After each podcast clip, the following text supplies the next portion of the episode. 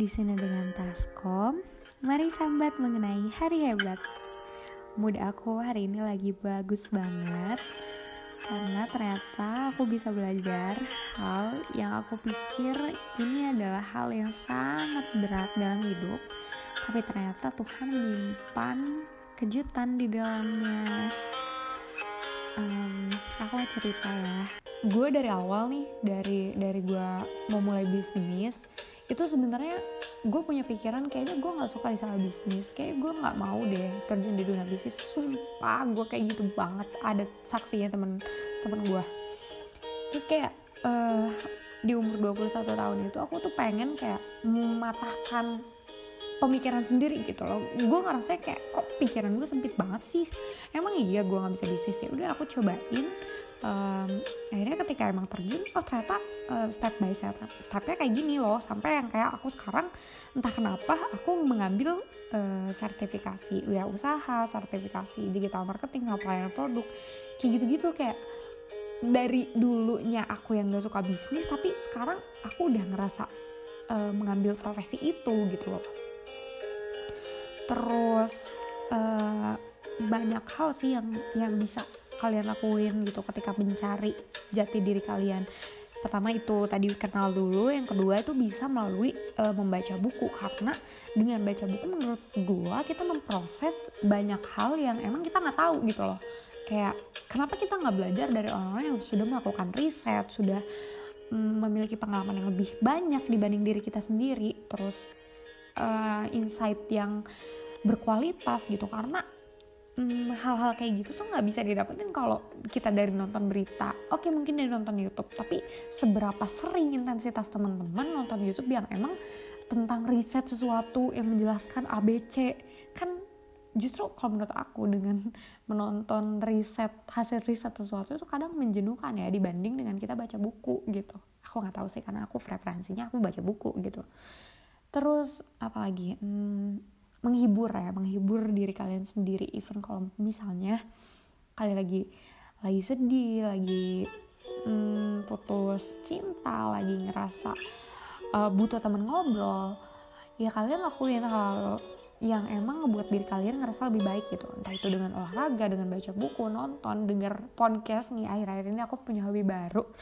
Aku tuh pengen banget dengerin podcast uh, yang emang lucu-lucu gitu ya gitu deh. Ternyata aku kayak ya seneng gitu seneng aja. Uh, dulu juga aku sering banget nonton Tonight Show. Tapi kan sekarang di, itu di YouTube ya. Kalau misalkan di podcast ya aku referensi ke podcast Mas itu. Ya ampun ngakak banget. Itu um, kemudian teman-teman setelah misalnya udah berdamai ya sama diri sendiri kemungkinan tuh bisa uh, bisa mencapai goals atau mencari tujuan yang emang aku banget gitu. Emang diri teman-teman banget. Itu mungkin sih hal yang bisa uh, dilakukan ya. Dan yang pengen aku cerita adalah ketika aku nggak nyangka aku uh, punya beban-beban yang berat ya karena kemarin tuh aku lagi puasa udahan gitu ya putus mau puasa putus itu tuh pas aku mau skripsi juga mau skripsi juga diputusin. Iya. Terus aku kayak mikir kayak aduh bisa gak sih gue ngelewatin skripsi tanpa pacar dengan kondisi gue lagi di galau kayak gini? Gitu. Terus kayak bisnis terus ah banyak deh pokoknya yang emang uh, jadi tekanan tersendiri ya untuk hidup aku gitu. Ternyata aku bisa gitu. Aku bisa aku bisa melewati semuanya gitu. Dan dan apa pun yang kamu anggap berat hari ini ya jalan aja kita tuh hanya perlu melewati day by day aja tanpa melakukan sesuatu yang negatif. Karena karena aku tuh kayak yang sampai sempat mikir aneh-aneh gitu mikir aneh-aneh pengen ngelakuin aneh-aneh gitu kan. Tapi kuncinya adalah kita tuh cuma perlu melewati hari ini dan bekerja keras ya udah gitu. Kalau misalkan emang hasil rata-rata nggak sesuai sama yang kita mau ya ya udah gitu. Tapi tapi tapi harus percaya ketika teman-teman udah ngasih yang terbaik dan hasil yang gak sesuai sama apa yang teman-teman mau sama apa yang family Mars mau ya emang bukan orangnya ya emang bukan hasilnya saat ini dipetik gitu loh. Tapi ya lakuin aja. Lakuin kayak misalnya aku. Aku tuh kayak sering apa ya um, aku emang level aku emang udah sertifikasi mentor tapi level aku untuk jadi pembicara atau speaker tuh kayak masih ih apa sih? Itu kan cowok kayak maksudnya belum belum punya apa-apa lah gitu lulus aja belum kan. Nah tapi dengan aku ngasih intensitas um, apa untuk public speaking ke orang-orang ke mahasiswa ke UKM UKM terus di era digital di YouTube terus di Instagram di podcast aku ngerasa kayak orang-orang makin ke sini makin percaya loh sama kualitas diri aku sama prestasi yang aku capai sama hal-hal yang emang uh, sedikit-sedikit aku tata gitu loh. Iya emang sekarang belum kelihatan nih hasilnya berapa duitnya berapa tuh belum kelihatan. Aku percaya aku juga bisa uh, mencapai di titik gue pengen ditarik berapa. Aku aku yakin itu karena Raditya Dika aja yang sekarang uh, apa penulis yang gede-gedean dulunya tuh pernah dibayar sampai uh, yang kayak seharga bensin dari rumah dia ke lokasi yang mau eh yang dia tuju gitu loh. Kayak semurah itu. Tapi kan beberapa tahun kemudian beberapa puluh tahun kemudian mungkin hidup dia berubah gitu. Dan aku juga berhak untuk memiliki harapan itu karena aku juga ber, bekerja keras dengan versi aku gitu loh.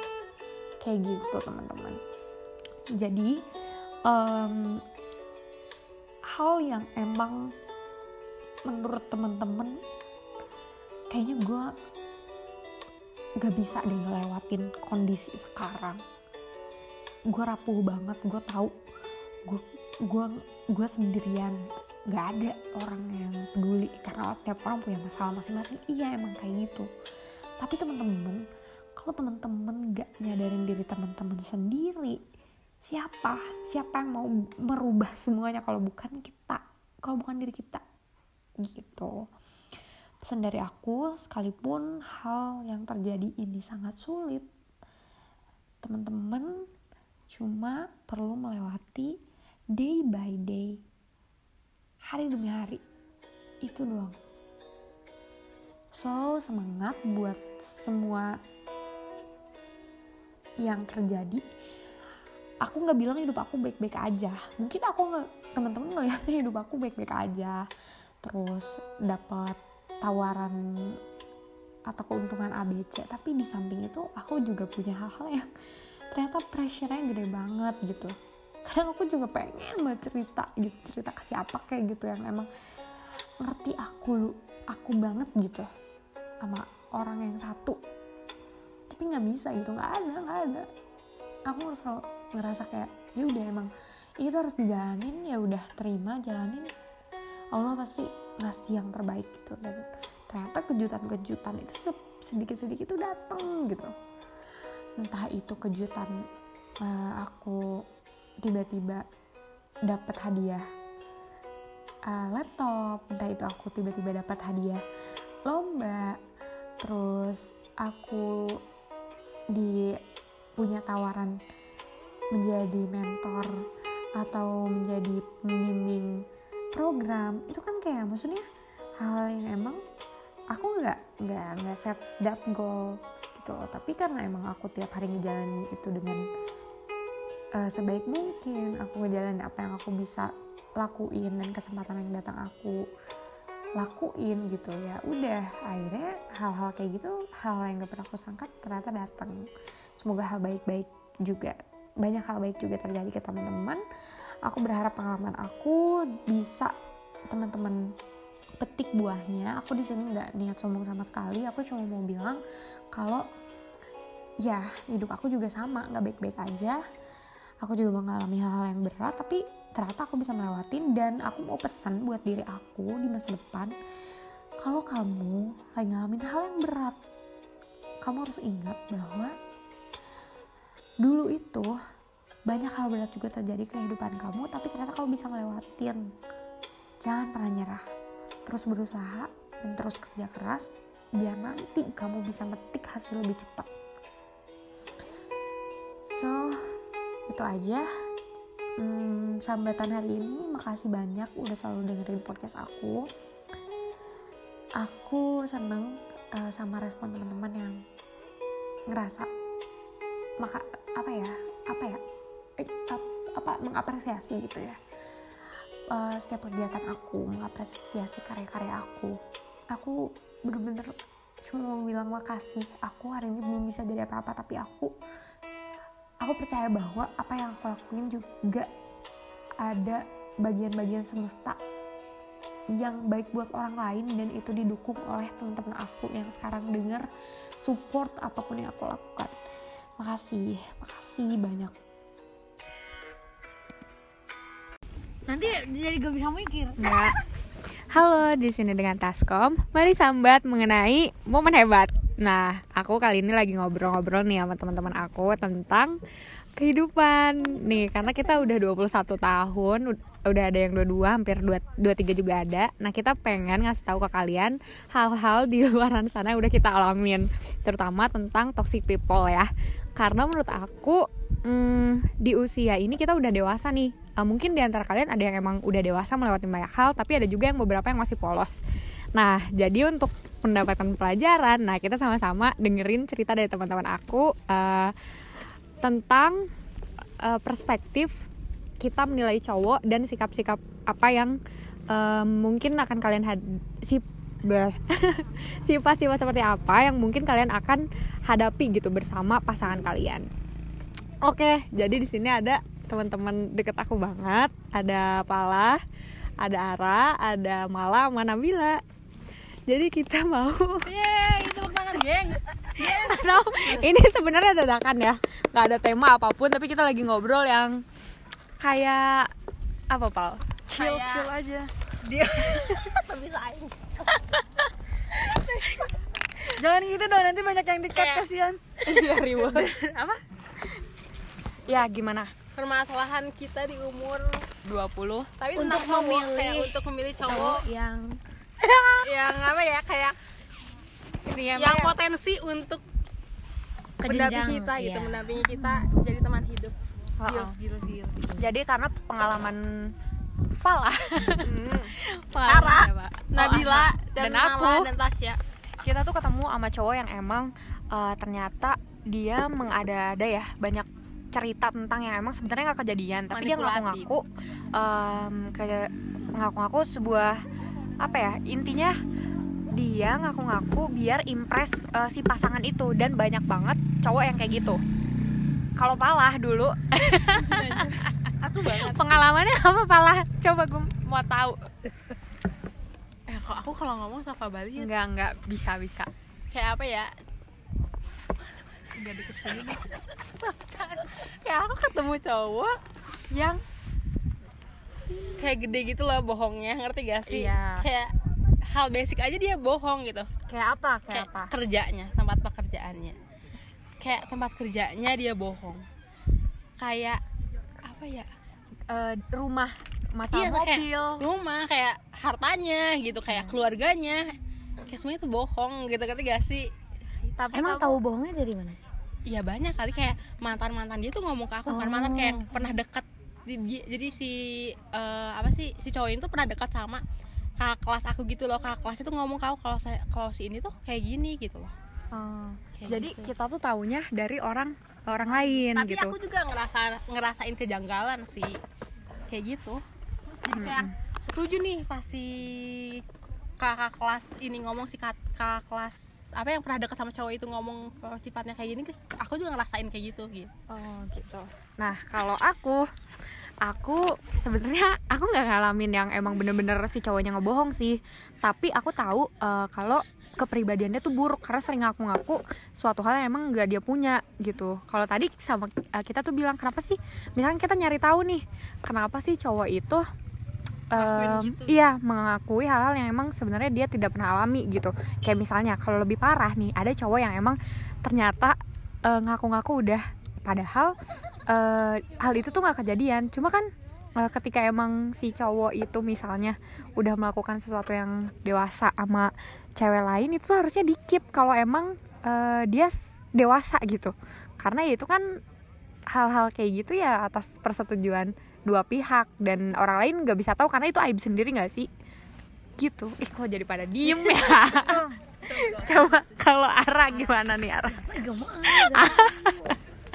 Ah, gak enggak cuma Kayak sharing doang ada teman kita juga Heeh. bukan Gak sih, aku lebih ke eh, sisi sebaliknya berarti Aku kan punya pacar yang segala pacar aku juga gitu kali maksudnya maksudnya kayak jujur pacar aku juga Ya tuh, maksudnya kayak se Apa se- adanya. serba pas-pasan Apa ya. adanya. Jadi apa adanya. Dan sebenarnya cowok tuh eh, gak apa-apa gitu loh. Maksudnya kalau misalnya eh, dia gak punya itu ya tinggal bilang dan si cewek juga pasti bakal nerima itu. Dibanding dia tuh mengada-ngada dan si cewek itu tuh eh si eh, apa ketahuan sama si ceweknya gitu. Itu tuh bakal malu nge- iya ngejatuhin harga diri menurut aku. Tapi untungnya si sayang aku itu itu kayak ya serba serba apa adanya gitu yang aku ceritain juga bukan pacar aku yang sekarang ya. Ya iya. Kayak dia disclaimer. Ini tuh masa lalu. Disclaimer aja yang tadi aku ceritain bukan pacar aku. Pacar aku kayak wah gila gila. Jujur banget woi kayak. Jadi eh, aku ngasih pandangan kayak gitu tuh untuk eh, para cowok-cowok.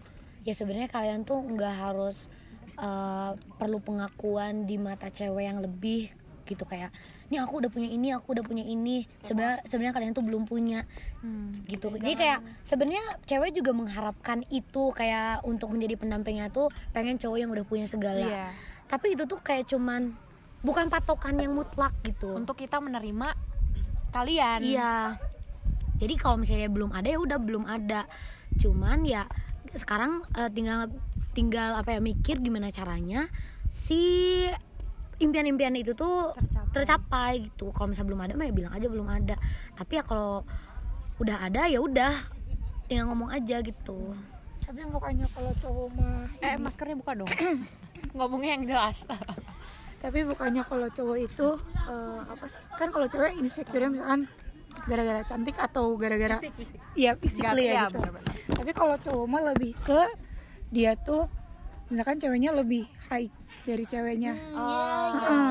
Biasanya itu yang bikin cowok insecure. Jadi mereka tuh pada manipulatif gak sih?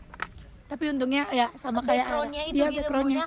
kayak salah satu alasannya tuh bisa jadi itu ya Jaga insecure itu. Tapi menurut aku ya eh seharusnya emang nggak seperti itu mereka tuh ya apa adanya. Cuman mungkin di alasannya Iya, oh, Iya. jadi perasaan mereka mungkin terluka kalau eh, dia im- inferior cowoknya dibanding si ceweknya gitu kali ya. Mer- merun. iya gitu. Apa nih? Iya benar sih. pengalaman Apa? kamu tas Oh pengalaman aku, kayaknya alhamdulillah ya mantan aku. yang ngebedainnya tuh ya kalau kan kita mah anak-anak milenial jadi bisa berpikir kayak gitu tapi kan orang tua kita nggak bisa mereka tuh jadi pengennya uh, pacar dari pasangan anaknya itu yang high juga yang bisa bawa dia lebih gitu kan mungkin itu latar kan- belakang si cewek eh, si cowok itu manipulatif. Menurut aku sih kayak gitu alasannya Tapi kalau misalnya udah di umur 22 tahun ya, maksudnya tinggal pacaran mau nikah nih 25. Kalau manipulatif gitu nggak baik sih buat kehidupan kita ke depan gitu. Entah itu dari sisi dari orang tuanya meskipun ini diterima sama mak bapaknya nih kelihatan kau punya apa-apa apa ih karena ada loh ternyata. Dulu tetangga aku eh, dia tuh ya gitu sama kena kena cowok yang halu yang mentalnya nggak stabil. Gitu bilangnya punya ini punya itu tapi pas udah mau nikah ternyata kan pasti kita ngecek dong ke rumahnya. Ya nggak ada gitu. Jadi putus udah. Masalahnya hal apa ya hal mendasar kayak gitu aja dia bohong gitu. Bener. Apalagi ntar ke depannya gitu. Kayak kebohongan kebohongan apa lagi gitu. Kayak iya. bohong si yang mendasar ini akan ditutupi oleh kebohongan yang lain gitu. Kayak capek gitu. Iya. dan kalau apa ya kayak kalau saat itu terjadi udah ber, maksudnya kayak yang ketumpuk. kalau yang dulu aku kan itu udah dari SMA nya dia kayak gitu gitu ngerti gak sih? Dan ya udah gitu sampai sekarang juga dia kayak gitu dan tidak bisa diubah gitu ngerti gak sih? Udah jadi sifat mendasar gitu ya Iya, jadinya ya? iya. karena udah berulang kayak terus menerus kalau dia kebiasaan. nonton ini ya eh bukan nonton denger sadar woi. Kan gitu kayak kayak kayaknya kamu butuh apa ya ke psikiater ya ke orang profesional gitu loh ke psikiater gitu kayaknya dia butuh Barbie kumaha udah teman halu Ya. coba Kayaknya tapi cocok deh kamu nikah sama Barbie gitu. Kayak, bukan sama bukan aku tas kom gengs, tas gitu. komarsari bukan amit amit anjir Nap, nap gimana nap? Iya mungkin untuk di usia-usia SMA, SMP itu masih kayak dimaklumin kehalu-haluannya Iya. gitu. Tapi untuk umur yang 22 tahun, 20 tahun ke atas itu kan di mana kita masanya untuk memikirkan ke depannya gitu, ke jenjang yang lebih serius. Kalau dari awal udah halu, aku tuh punya ini loh, eh, aku tuh kerja di sini loh. Tapi ternyata enggak, terus ternyata nanti dicek beneran dan ternyata eh enggak malah takutnya nanti ada masalah selanjutnya gitu loh kayak misalkan gue punya mobil nih mobil gue Ferrari tapi karena dia pengen ngebuktiin dan di hari itu itu misalkan ada yang coba deh bawa mobilnya gitu ajak jalan gue pakai Ferrari. Terus dia sampai kayak mikir udahlah Gus rental aja. Sedangkan dia lagi nggak punya duit. Nah itu ntar masalahnya gimana gitu kan bakalan jadi lebih panjang lagi kebohongan yang mendasar itu bakal menjadi kebohongan-kebohongan lain yang lebih berat yang mungkin ya itu tuh kayak merugikan. orang lain juga gitu nantinya gitu kan.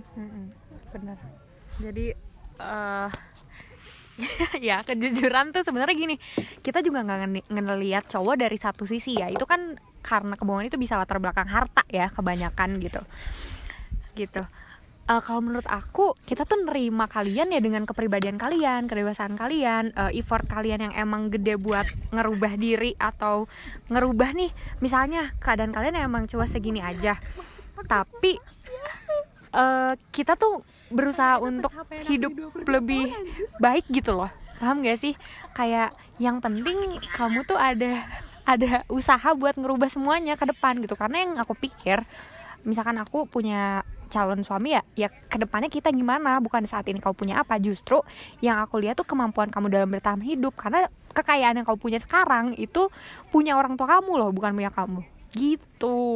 Jadi kamu eh, menyetujui nggak kalau misalkan ayo usaha dari awal bener-bener bareng sama kamu dari nol? setuju lah malah suka aku tuh Aku juga kayak gitu. aku tuh bener-bener tipe cewek yang kayak eh aku tuh mau ngambil dari nol Iya. cowok dari nol misalnya lu belum punya apa-apa aku tuh mau nemenin ih sumpah yang kayak aku pernah nih sama mantan aku yang kayak aku bener-bener mau buka usaha bareng aku ngerjain apa yang dia kerjain di si bisnis itu aku bener-bener ready banget nih buat emang nemenin dari nol gitu tapi ya karena emang mungkin bukan jalannya aja sama dia aku nemenin dari nol ya ya udah gitu. Tapi aku tuh lebih menghargai eh, proses kita merintis bareng dibanding aku harus milih cowok yang emang udah mentereng kayak duluan karena aku ngerasa takutnya suatu saat aku dibuang gitu atau dia milih cewek lain ketika udah nikah.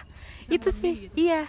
Tapi kalau misalkan emang kita nemenin dari nol woi nyadar woi lu dari dulu nggak punya apa-apa sama gua gitu gitu tapi kayak banyak juga cowok yang Udah udah di Iya, udah- udah di atas. lupa yang Iya. nemenin dari nol. Tapi kayak kan harta tahta wanita gitu Iya. ya gak sih geng emang emang apa ya kayak godaannya cowok tuh ketika banyak harta tapi godaannya cewek tuh cewek, ketika harta cowoknya gak ada Iya. gitu oh jadi cowok tuh kalau misalnya yang bergelimang harta itu tuh pasti eh salah kalau cowok itu eh, ya ketika kekurang- hartanya banyak. hartanya banyak dia lebih godaannya, kencang. dia diuji gitu kalau misalnya cewek ketika cowoknya hartanya lagi di bawah lah. dikit itu diujinya gitu. Jadi aku cari yang harta tahta pala hasri. Gitu. aku harta tahta tasya. Oke, jadi eh, sekian ya eh, podcast kali ini bersama eh, teman-teman. Aku harap eh, Family Mars bisa milih orang-orang yang emang tepat buat kalian dan kalau misalkan mau pacaran ya dicek dulu nih latar belakangnya atau kepribadiannya tanya ke teman-teman. Jangan pernah kalian terjebak dalam cinta satu malam ataupun embel-embel lainnya yang emang ngerugiin kalian di masa depan. Dan jangan pernah menjalin hubungan yang emang eh, kalian tahu cowoknya ini toxic Eh, even kalau misalkan kalian ternyata udah terjebak cobalah keluar karena banyak hal dan banyak eh, hal yang menarik di dunia ini dan banyak cowok yang lebih em, lebih baik ya dari orang yang ngebuat hidup kalian berat. Oke, thank you. Makasih udah dengerin ini. Semoga bermanfaat.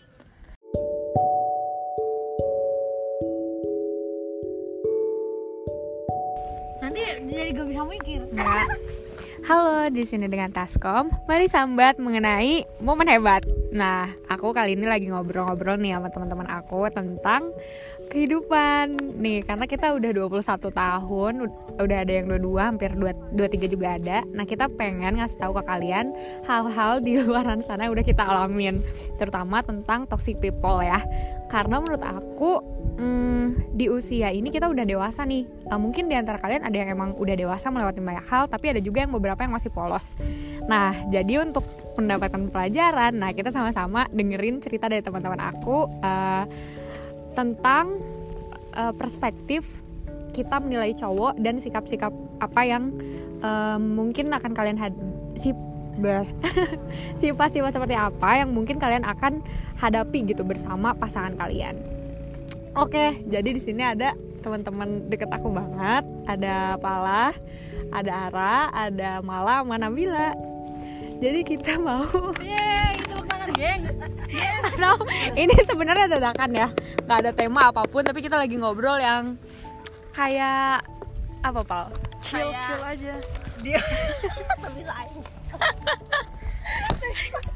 Jangan gitu dong nanti banyak yang dikat Kayak- kasihan Iya ribut. Apa? Ya gimana? Permasalahan kita di umur 20 tapi Untuk memilih kayak untuk memilih cowok cowok yang yang apa ya kayak Iya, yang potensi untuk mendampingi kita gitu ya. mendampingi kita jadi teman hidup Ha-ha. Gils, gils, gils. Jadi karena pengalaman Pala, Ara, Pengalaman Mbak. Oh, Nabila dan, dan aku dan Tasya.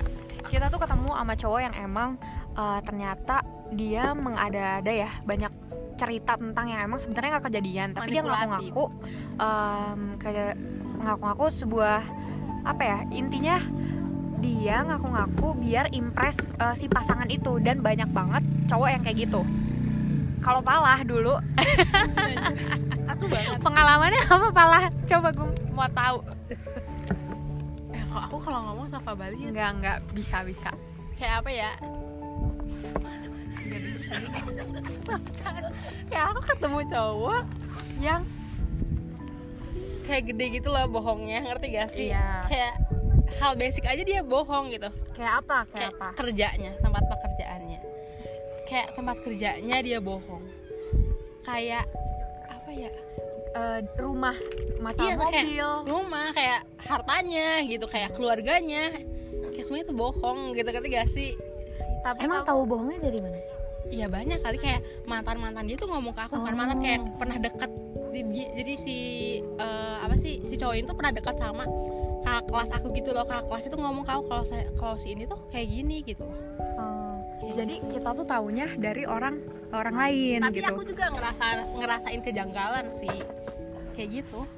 Jadi kayak setuju nih pas si kakak kelas ini ngomong si kak- kakak kelas apa yang pernah deket sama cowok itu ngomong oh, sifatnya kayak gini aku juga ngerasain kayak gitu gitu oh gitu. Nah kalau aku aku sebenarnya aku nggak ngalamin yang emang bener-bener si cowoknya ngebohong sih.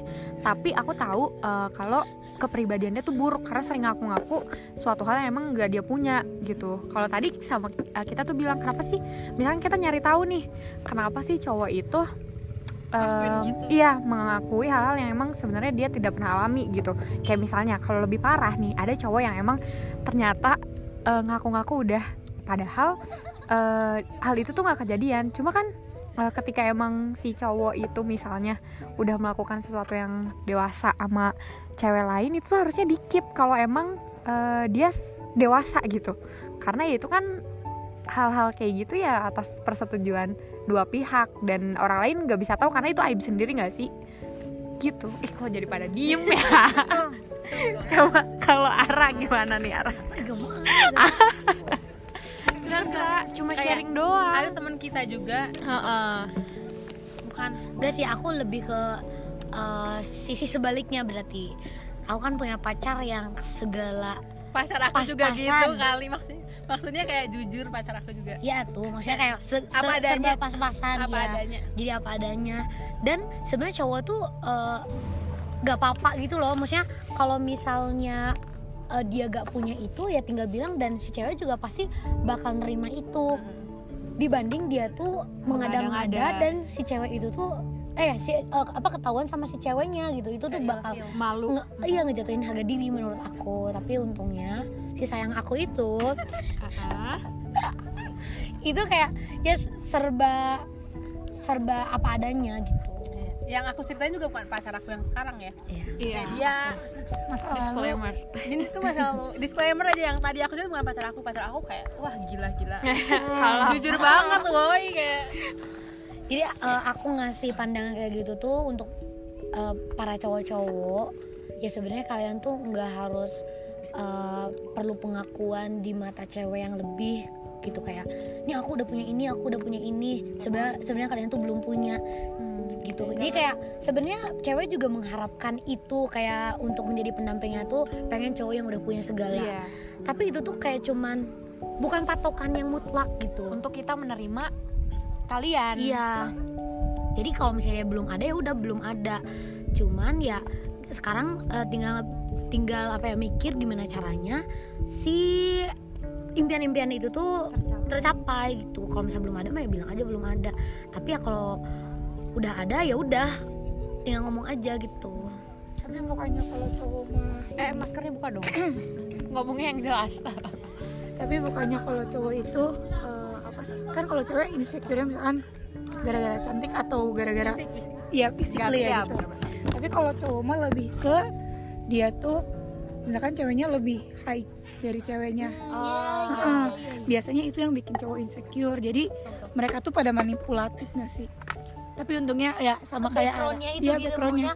kayak salah satu alasannya tuh bisa jadi itu ya. agak insecure itu. Tapi menurut aku ya eh, seharusnya emang nggak seperti itu mereka tuh ya apa adanya. Cuman mungkin Alasannya. Iya, oh, iya. jadi perasaan mereka mungkin terluka kalau eh, dia im- inferior cowoknya dibanding si Iya. ceweknya gitu kali ya. Mer- merun. Iya gitu. Heeh. apa nih? Iya benar sih. pengalaman Apa? kamu tas. Oh pengalaman aku. Kayaknya alhamdulillah ya mantan aku.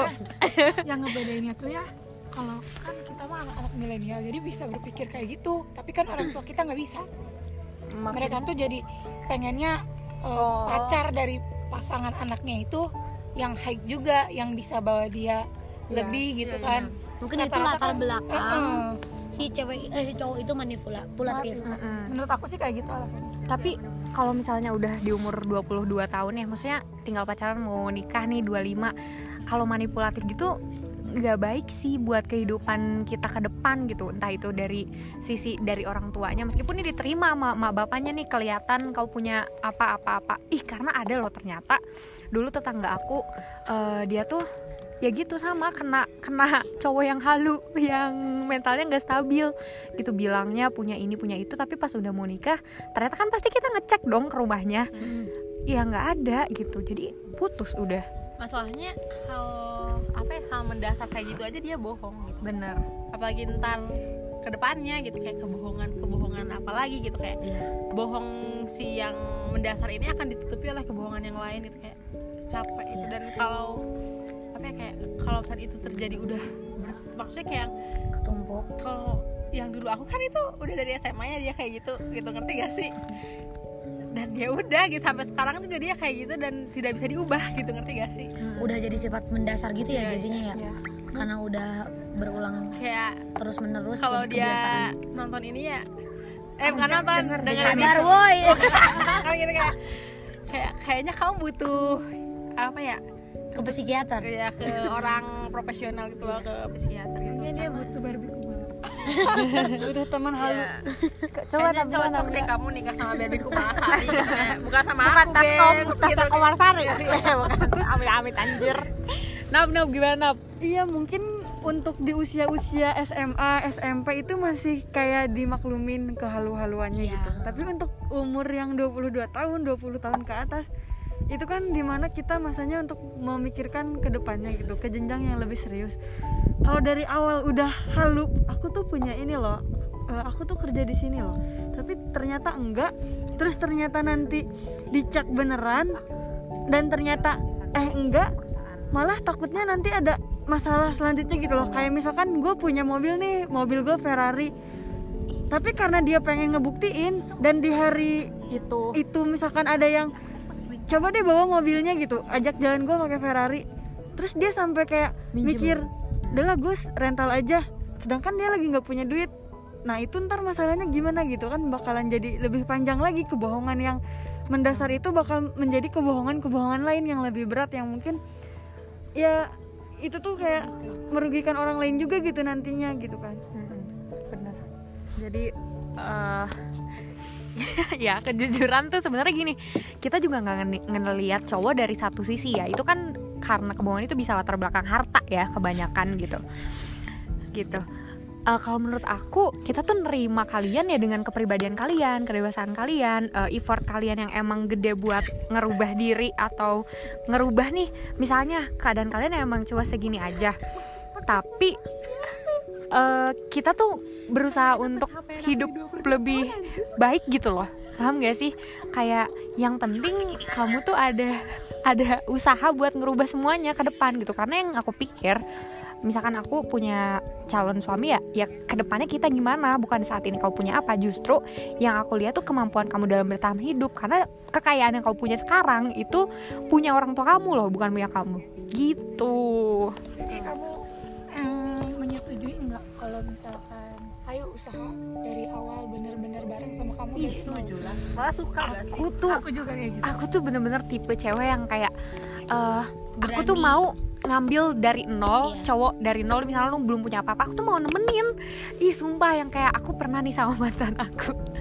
Yang kayak aku bener-bener mau buka usaha bareng aku ngerjain apa yang dia kerjain di si bisnis itu aku bener-bener ready banget nih buat emang nemenin dari nol gitu tapi ya karena emang mungkin bukan jalannya aja sama dia aku nemenin dari nol ya ya udah gitu. Tapi aku tuh lebih menghargai eh, proses kita merintis bareng dibanding aku harus milih cowok yang emang udah mentereng kayak duluan karena aku ngerasa takutnya suatu saat aku dibuang gitu atau dia milih cewek lain ketika udah nikah. Itu sih iya. Tapi kalau misalkan emang kita nemenin dari nol woi nyadar woi lu dari dulu nggak punya apa-apa sama gua gitu gitu tapi kayak banyak juga cowok yang udah udah di Udah- udah- udah di atas. lupa yang Ya. nemenin dari nol tapi kayak kan harta tahta wanita gitu Iya. Iya gak sih emang emang apa ya kayak godaannya cowok tuh ketika banyak harta tapi godaannya cewek cewek, tuh Cewek. ketika harta cowoknya gak ada Ya. gitu oh jadi cowok tuh kalau misalnya yang bergelimang harta itu tuh pasti eh salah. Kalau cowok itu eh, ya ketika kekurangan- hartanya banyak. hartanya banyak. Dia lebih ke godaannya dia gitu. kalau misalnya cewek ketika cowoknya hartanya lagi di bawah lah. itu diujinya jadi aku cari yang harta tahta pala hasri. Aku harta tahta tasya. Oke jadi eh, sekian ya eh, podcast kali ini bersama eh, teman-teman. Aku harap eh, Family Mars bisa milih orang-orang yang emang tepat buat kalian. Dan kalau misalkan mau pacaran ya dicek dulu nih latar belakangnya atau kepribadiannya. Tanya ke teman-teman. Jangan pernah kalian terjebak dalam cinta satu malam ataupun embel-embel lainnya yang emang ngerugiin kalian di masa depan. Dan jangan pernah menjalin hubungan yang emang eh, kalian tahu cowoknya ini toxic Eh, even kalau misalkan kalian ternyata udah terjebak cobalah keluar karena banyak hal dan banyak eh, hal yang menarik di dunia ini dan banyak cowok yang lebih em, lebih baik ya dari orang yang ngebuat hidup kalian berat. Oke, thank you. Makasih udah dengerin ini. Semoga bermanfaat.